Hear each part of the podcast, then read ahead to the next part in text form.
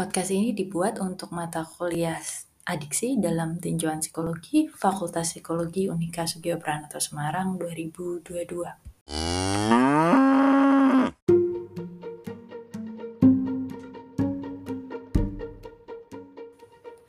Oke, halo selamat siang semuanya. Selamat datang di mata kuliah adiksi tadinya sih saya mau kuliah online-nya pakai Zoom, tapi ternyata hmm, saya ada halangan gitu sehingga um, saya tidak bisa uh, standby saat ini jam di jam perkuliahan Anda sehingga uh, kita kuliah menggunakan rekaman. Saya pikir beberapa dari kalian udah pernah nih kuliah dengan podcast bareng saya.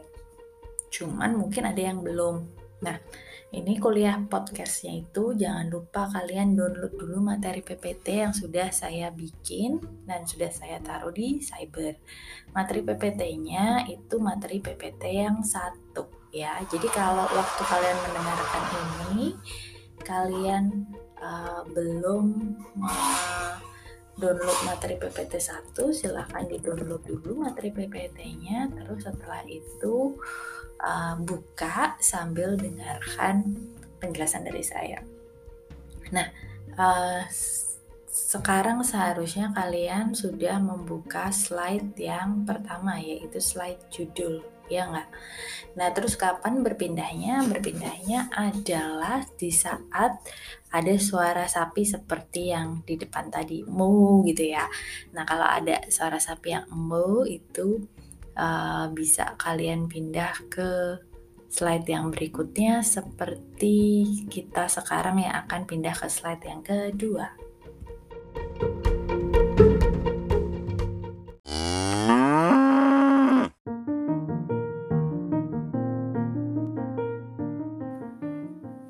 Oke, sekarang kita akan ngomongin soal kode etik ketika kita melakukan konseling uh, pada orang-orang yang mempunyai adiksi. Sebenarnya mirip sih sama kode etik yang ada juga pada uh, psikolog atau konselor atau uh, profesional uh, kesehatan mental yang lain. Yang pertama itu adalah non discrimination atau tidak melakukan diskriminasi. Kadang kita tuh punya praduga gitu, apalagi pada orang-orang yang uh, punya riwayat uh, kecanduan. Mungkin kita ngerasa mereka secara moral jelek, mereka dari tempat yang tidak berpendidikan, mereka punya keluarga yang nggak benar. Nah, saat kita menghadapi mereka, kita harus meletakkan semua stereotip yang kita punya itu. Kita harus memandang semua manusia itu sebagai manusia, gitu ya. Tidak merasa bahwa diri kita lebih benar daripada mereka gitu. Nah, terus kita harus punya uh, poin yang kedua adalah responsibility atau tanggung jawab untuk bersikap objektif tentang apa pun yang mereka katakan dan juga punya integritas. Artinya benar-benar menjaga uh, apa yang kita katakan, apa yang kita uh, janjikan pada mereka, misalnya seperti itu, kita harus menunjukkan integritas, jangan belanjani gitu ya kalau uh, uh, apa namanya kalau istilah zaman sekarang. Lalu kompetensi. Nah kita tuh harus tahu kompetensi kita tuh di sana sebagai apa. Misalnya kalian besok lulusan S1 terus kerja di BNN. Ada juga yang lulusan S2 terus kerja di BNN. Saya kayak gitu. Nah kompetensinya kan pasti beda tuh gitu ya. Nah kita harus tahu kompetensi kita tuh sebagai apa, kapan kita bisa ngerujuk gitu. Kalau misalnya kita tidak menyadari kompetensi, terus kita merasa, loh dia kalau sama saya nyaman kok gitu. Terus kita uh, merasa besar kepala uh, dan kita merasa kita yang harus menemani atau uh, menjadi konselornya dia meskipun dia punya masalah yang lebih berat dibandingkan kompetensi kita, maka itu sudah melanggar kode etik. Jadi kalau kita sudah tahu kompetensi kita di mana, uh, maka kita bisa membuat batasan. Terus legal and moral standard uh, itu adalah standar-standar legal dan moral ini yang yang agak sulit. Karena yang pasti uh, orang dengan adiksi itu kan pasti punya masalah secara legal dan moral ya. Kita uh, punya standarnya gitu. Sehingga memang perlu sangat berhati-hati ketika mereka mengatakan bahwa mereka melanggar suatu norma begitu kita juga tidak boleh untuk um, mengatakan bahwa itu boleh gitu ya untuk melanggar norma. Kita tidak boleh bilang seperti itu. Tapi di sisi lain kita juga tidak boleh uh, apa ya bersikap terlalu keras karena ketika kita bersikap terlalu keras atau terlalu apa ya jenenge uh, terlalu menghakimi maka dia tidak akan mau cerita apa pun sama kita. Jadi jadi itu susahnya di uh, di apa ngobrol dengan orang dengan adiksi. Uh, kita perlu menerima perlahan-lahan tapi mendorong dia untuk punya inisiatif uh, agar dia mencapai norma yang lebih baik. Berikutnya adalah public statements. Uh, banyak orang yang pakai narkoba itu bukan orang biasa gitu ya. Misalnya selebriti saya pun pernah menangani selebriti. Ada ada cukup banyak lah selebriti yang uh, pernah uh, saya ketemu atau bahkan saya tangani baik selebritinya ataupun keluarganya secara langsung. Tapi uh, kita nggak boleh ngomong gitu ya. Kita nggak boleh ngomong ke siapa pun bahwa eh aku tuh ketemu loh sama si siapa gitu ya terus kita ngomong sama teman kita atau kita publish nih di TikTok di mana? Di uh, apa nama Instagram dan sosial media lainnya karena kita bangga itu nggak boleh gitu ya. Uh, kita harus menjaga privasi mereka karena kita adalah tenaga uh, profesional begitu. Lalu publication credit adalah um, ketika misalnya kamu um, apa namanya uh, punya atau melakukan intervensi maka kamu juga perlu ngomong bahwa dari mana sih sumbernya? Oh ini dari buku gitu ya. Kita harus memberikan kredit atau kita harus memberikan penyebutan pada sumber-sumber yang uh, kita pakai gitu. Jadi uh, ketika kita dibantu oleh orang lain dari jurnal buku atau dari um, perkataan orang lain misalnya saya dikasih tahu sama dosen saya. Dan kemudian apa yang dikatakan dosen saya itu saya katakan ke si uh, klien. Maka saya juga harus mengatakan ini sih kata-kata dari dosenku gitu. Sehingga kita tahu bahwa uh, kita itu memberikan kredit atau kita memberikan penghargaan pada orang-orang yang sudah uh, menjadi inspirasi kita dan menjadi bahan kita.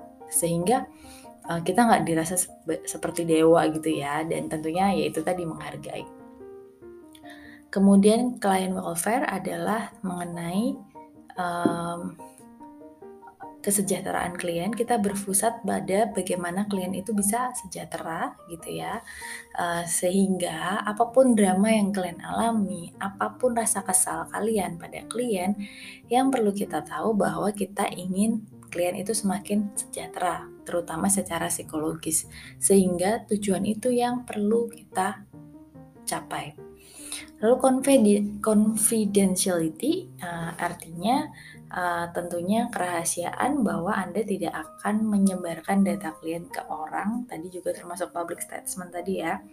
Jadi kalian nggak akan ngomong itu ke ibunya, ke siapanya gitu ya. Uh, misalnya saya uh, mewawancara klien dan mewawancara ibunya. Maka saya tidak boleh mengadu domba, eh si ini bilang itu, eh si itu bilang ini gitu ya. Tapi kita justru menguatkan mereka untuk menyampaikannya sendiri satu sama lain gitu. Terus tentu saja kalau kita buat laporan uh, yang dipublish nama dan beberapa identitas yang krusial harus disensor. Lalu client relationships gitu, hubungan kita dengan klien itu perlu terjaga secara profesional gitu ya, secara uh, tepat dan uh, tidak ada hubungan non profesional lain di luar um, meja atau di luar ruang terapi. Terus interprofessional relationship. Jadi uh, ini berkaitan sama kompetensi tadi. Yang namanya orang dengan adiksi tidak mungkin hanya ditangani oleh orang dari uh, satu disiplin ilmu, tapi juga dari beberapa disiplin ilmu. Nah, kita perlu tahu, uh, kita perlu saling menjaga. Jangan sampai uh, kan karena klien adiksi itu suka manipulatif ya. Jangan sampai terus kita ngomong, wah uh, iya nih kamu sekarang diganti obat sama dokter ini ya dokter itu emang terkenal bla bla bla gitu nah nggak boleh kita harus menjaga kita harus menjaga bahwa hubungan kita dengan profesional yang lain itu terjaga dengan baik. Lalu remuneration, remuneration, remuneration atau masalah soal fee, soal pembayaran. um, itu berbayar. Ada konseling yang gratis ada yang itu merupakan uh, apa standar layanan gitu ya. Misalnya kalau di fakultas psikologi ada konseling gratis dari sahabat psikologi gitu misalnya ya. Tetapi uh, sebenarnya konseling itu seharusnya berbayar gitu seandainya itu fasilitas maka yang membayar adalah pihak kampus gitu ya atau kalau mereka direhabilitasi si klien nggak bayar ke kamu langsung tapi dia bayar uang rehabnya gitu atau pemerintah yang membayari sehingga si konselor itu dibayar. Nah, kenapa sih kok jadi konselor harus dibayar? Kok mata duitan misalnya kayak gitu ya? Bukan, bukan karena mata duitan, karena pertama ini pekerjaan. Pekerjaan profesional tentunya kita uh, perlu untuk uh, apa namanya? Ada pembayaran secara langsung sehingga itu tidak membuat uh, klien merasa berutang budi dan suatu saat malah kita yang jadi kayak eh aku udah nolongin kamu nih di sini kamu gantian dong misalnya gitu nah jadi uh, uang itu dipakai bukan karena konselornya itu harus punya uang banyak? Enggak. Ya memang konselornya harus hidup ya. Satu gitu. Tetapi yang lebih penting adalah bahwa tidak ada hutang budi yang terlalu banyak begitu jadi kalau dia bisa membayar uh, sesuai dengan standar maka uh, itu adalah uh, apa namanya remunerasi yang diberikan. Kalau dia tidak bisa membayar, maka kita perlu bantu nih carikan lembaga lembaga-lembaga yang memang bisa mendonor itu gitu sehingga uh, tetap saja sebagai konselor kita tuh kerjanya profesional. Nah yang terakhir societal obligation atau kewajiban pada masyarakat jadi uh, kita perlu menjaga bahwa konseling yang kita lakukan ini aman buat dia dan buat masyarakat sehingga kalau ada uh, kondisi-kondisi tertentu yang memang membahayakan masyarakat kita boleh memperingatkan klien atau kalau memang sangat mengancam sekali misalnya dia ternyata udah punya rencana nih untuk menyakiti orang lain. Nah, kita juga perlu untuk uh, apa namanya? mencari tahu apakah memang karena sudah serem banget kita boleh ngomong ke uh, pihak yang berwajib misalnya seperti itu. Tapi tentunya yang pertama kita perlu memastikan dia itu hanya mengancam atau enggak gitu ya. Nah, ini beberapa landasan etis mengenai uh, apa namanya konseling dengan adiksi.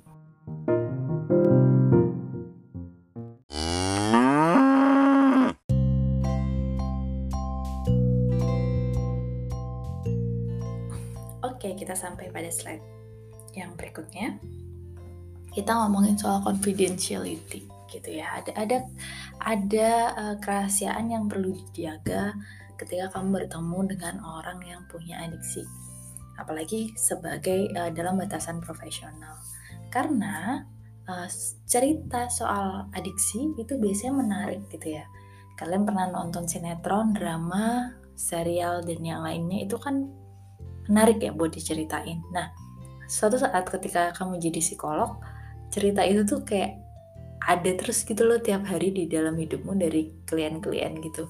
Uh, sehingga sebenarnya sangat menarik untuk jadi bahan cerita gitu.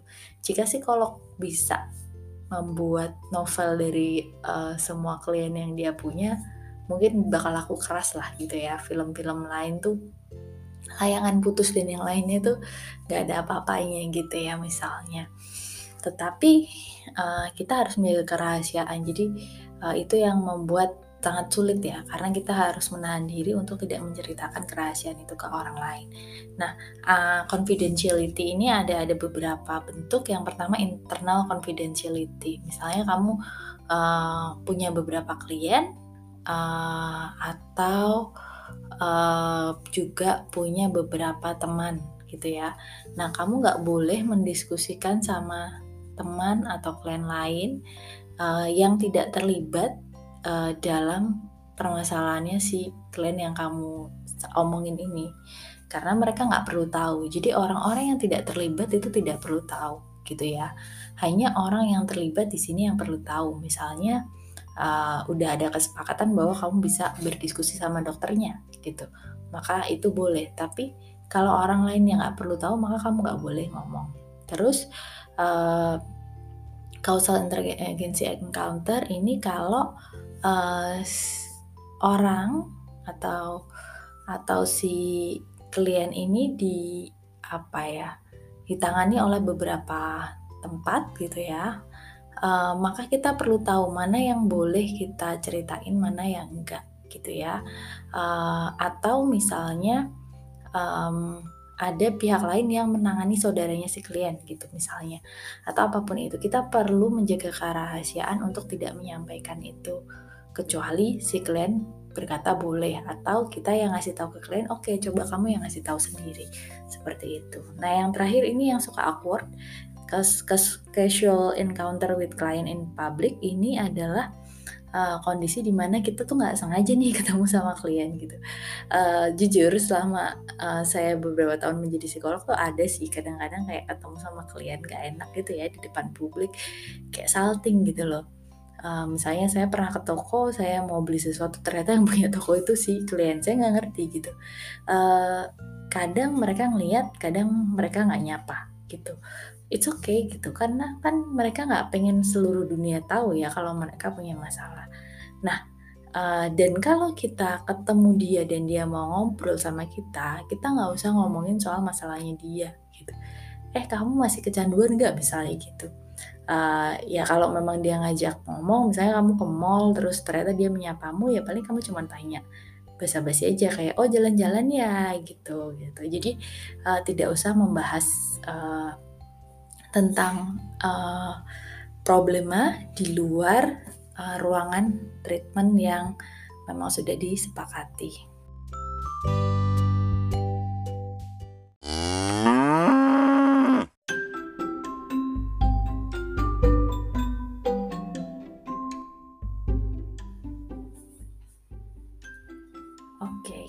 Masuk pada materi yang berikutnya adalah inform consent teman-teman pasti udah pernah dengar ya, udah pernah tahu gitu loh inform consent di mana-mana uh, bahwa kita uh, meminta dia menyatakan persetujuan. Nah, dalam inform consent itu kita perlu ngasih tahu uh, kita tuh ketemu dia tuh buat apa sih gitu ya.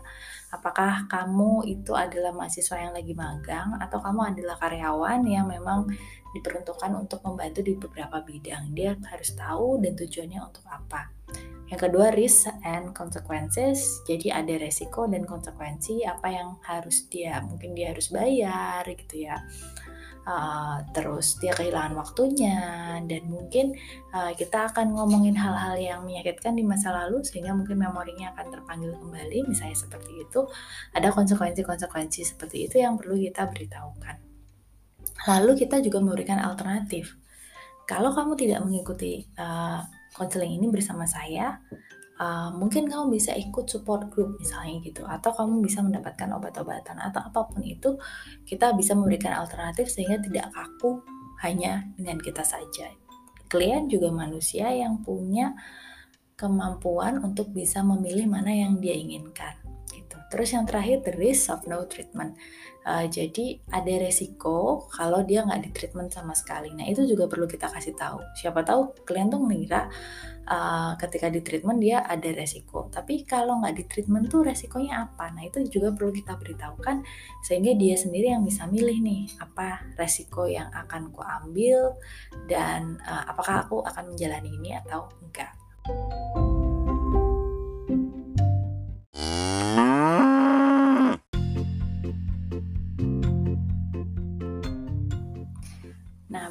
Berikutnya adalah tentang eh, hal-hal yang perlu dihindari sebelum kamu memulai dengan klienmu adalah kamu perlu tahu hubunganmu apa sama klien gitu ya. Nah, kalau kamu punya pre-existing relationship, misalnya memang sudah ada hubungan sebelumnya uh, dengan klien, maka sebaiknya kita tidak mengambil dia sebagai klien kita. Misalnya dia adalah tetanggamu, saudaramu, temanmu gitu ya atau bahkan orang yang kamu kenal yang lain. Uh, setelah saya jadi psikolog, mungkin kan karena saya muncul di sosial media, terus beberapa teman saya kadang kayak cerita gitu, uh, aku butuh psikolog nih, aku punya masalah ini, masalah itu. Maka saya harus terlatih untuk mengatakan, uh, oke, okay, itu masalahmu berat. Sebagai teman saya juga ngerasa uh, itu perlu pertolongan, tetapi tidak bisa dengan saya gitu, karena nggak boleh ada dual relationship even itu teman lama yang udah bertahun-tahun udah gak ketemu. Karena kalau ada pre-existing relationship kita udah nggak bisa memandang dia secara objektif lagi gitu. Yang kedua adalah social atau business relationship. Jadi kamu misalnya kamu punya uh, klien yang bapaknya kliennya adalah bos dari keluargamu misalnya seperti itu ya. Jadi ada ada hubungan entah secara sosial atau secara uh, keuangan gitu ya. Misalnya uh, ada ada ada hubungan lah. Misalnya uh, dia anaknya gurumu gitu ya. Uh, atau dia adalah ternyata kamu punya all shop terus dia adalah orang yang uh, apa namanya uh, ngasih barang atau apa sih distributor ya untuk barang-barang uh, yang kamu jual misalnya seperti itu. Jadi ada ada ada relasi bisnis di sini maka itu nggak boleh gitu ya. Itu nggak boleh uh, untuk uh, dijadikan uh, klien. Yang ketiga adalah recovery peer relationship. Ini sebenarnya berlaku untuk mereka yang udah pernah jadi pecandu gitu ya. Misalnya uh, dia pecandu terus dia sudah pulih dan dia ingin kemba, uh, menjadi konselor. Itu sangat bisa sekali gitu bahkan sangat diandalkan. Hanya saja masalahnya adalah uh, kalau misalnya ternyata ada temen dia zaman berjuang dulu yang juga sama-sama berusaha uh, keluar dari narkoba itu ingin uh, konsul ke dia itu nggak bisa. Karena itu dulunya temen gitu ya sama sih sama yang tadi pre-existing relationship. Jadi uh, harus uh, orang lain. Yang terakhir adalah sexual relationship. Uh, jadi tidak boleh ada hubungan seksual uh, baik uh, hubungan seksual yang aktif atau uh, hubungan berpacaran misalnya antara klien sama uh, pecandu begitu ya. Jadi uh, sama eh sorry klien sama uh, profesional gitu. Uh, sehingga kalau mulai ada ketertarikan kalau kata Himsi itu di kode etik itu nunggu 2 tahun gitu ya jadi kalau misalnya kamu nanganin orang dengan adiksi wah kok ganteng nih atau wah kok cantik banget nih gitu ya kok aku tertarik diputuskan dulu hubungan uh, kliennya sebagai klien di refer ke yang lain dan kamu tunggu 2 tahun sambil ngecek gitu ya apakah itu cinta sesaat atau bukan gitu ya jadi harus nunggu 2 tahun baru boleh memulai hubungan karena Eh, nggak uh, boleh ada hubungan-hubungan seperti ini karena kita harus bisa menjaga diri dan uh, memastikan kalau uh, kita tidak punya motif yang lain gitu untuk mendapatkan dia gitu dengan melakukan konseling gitu. Tapi kalau memang udah wah memang ini nih pilihanku ya tunggu dua tahun gitu. Kita tunggu dan kita lihat apakah benar masih seperti itu atau enggak.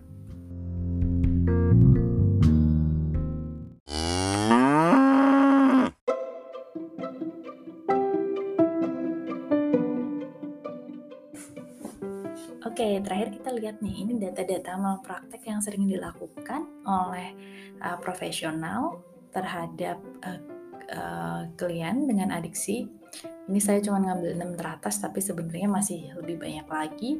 Yang pertama yang paling tinggi ini tuh seharusnya persen ya, tapi nggak uh, tahu kok jadinya 0, berapa, 0, berapa. Jadi 0,2 ini 20 persen 20% pelanggaran itu terkait seksual impropriety. Jadi terkait adanya hubungan yang nggak proper gitu ya eh, secara uh, seksual. Artinya mungkin ada hubungan antara si klien dengan uh, apa namanya dengan tenaga profesional yang uh, menangani dia gitu. Jadi nggak um, nggak muncul keprofesionalannya. Dan ini ternyata cukup banyak kayak itu 20% gitu ya. Makanya tadi diingetin tuh nggak boleh ada dual relationship gitu. Karena ternyata ini cukup tinggi gitu. Yang kedua adalah incorrect treatment. Incorrect treatment itu adalah si si konselor memberikan treatment yang nggak tepat gitu ya. Seharusnya uh, dia di treatmentnya misalnya uh, langsung ke apa namanya hubungan dia sama keluarga tapi dia hanya melulu diomongin soal adiksinya eh, berkurang berapa. Padahal sebenarnya akarnya dalam keluarga misalnya seperti itu. Jadi kurang korek. Atau misalnya kita nggak nge-refer padahal sudah waktunya mah uh, apa mau merefer gitu ya. Nah terus yang ketiga yang uh, di bawah 10% itu adalah loss to the client. Nah ini tuh kayaknya banyak banget terjadi di Indonesia. Jadi uh, apa namanya um, si klien ini um, misalnya dia itu kan di terapi agak lama gitu ya. Terus uh, psikolog itu kan atau konselor itu kan biasanya menangani orang nggak cuma satu. Nah, terus uh, si konselornya itu sampai kelupaan nih untuk memberikan uh, apa lanjutan pada si kliennya gitu sampai kliennya menghilang gitu ya karena uh, kondisinya si konselornya sibuk atau karena alasan lain gitu. Jadi itu loss to the client. Kita kehilangan klien dan mungkin kita nggak sadar. Terus confidentiality atau privacy itu yang tadi di awal kita ember ya kita ngomongin apa yang seharusnya nggak boleh kita omongin ke orang lain. Terus counter suite for fee itu adalah kita ngecharge mungkin berlebihan atau terlalu kurang gitu ya tidak sesuai dengan standar gitu ya. Jadi kita minta bayaran dari dia tapi tidak sesuai dengan standar yang seharusnya.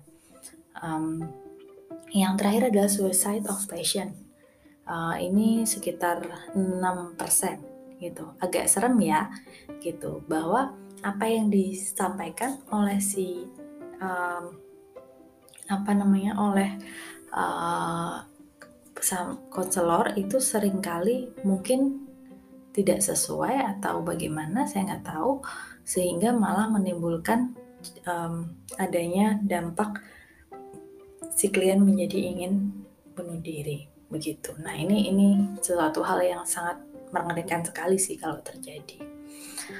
Oke, ini sudah selesai untuk materi yang pertama, tapi masih ada satu materi lagi. Tapi sebelumnya uh, saya ada hal yang mau disampaikan setelah ini. Hmm, masih tunggu, jangan pergi dari podcast ini dulu.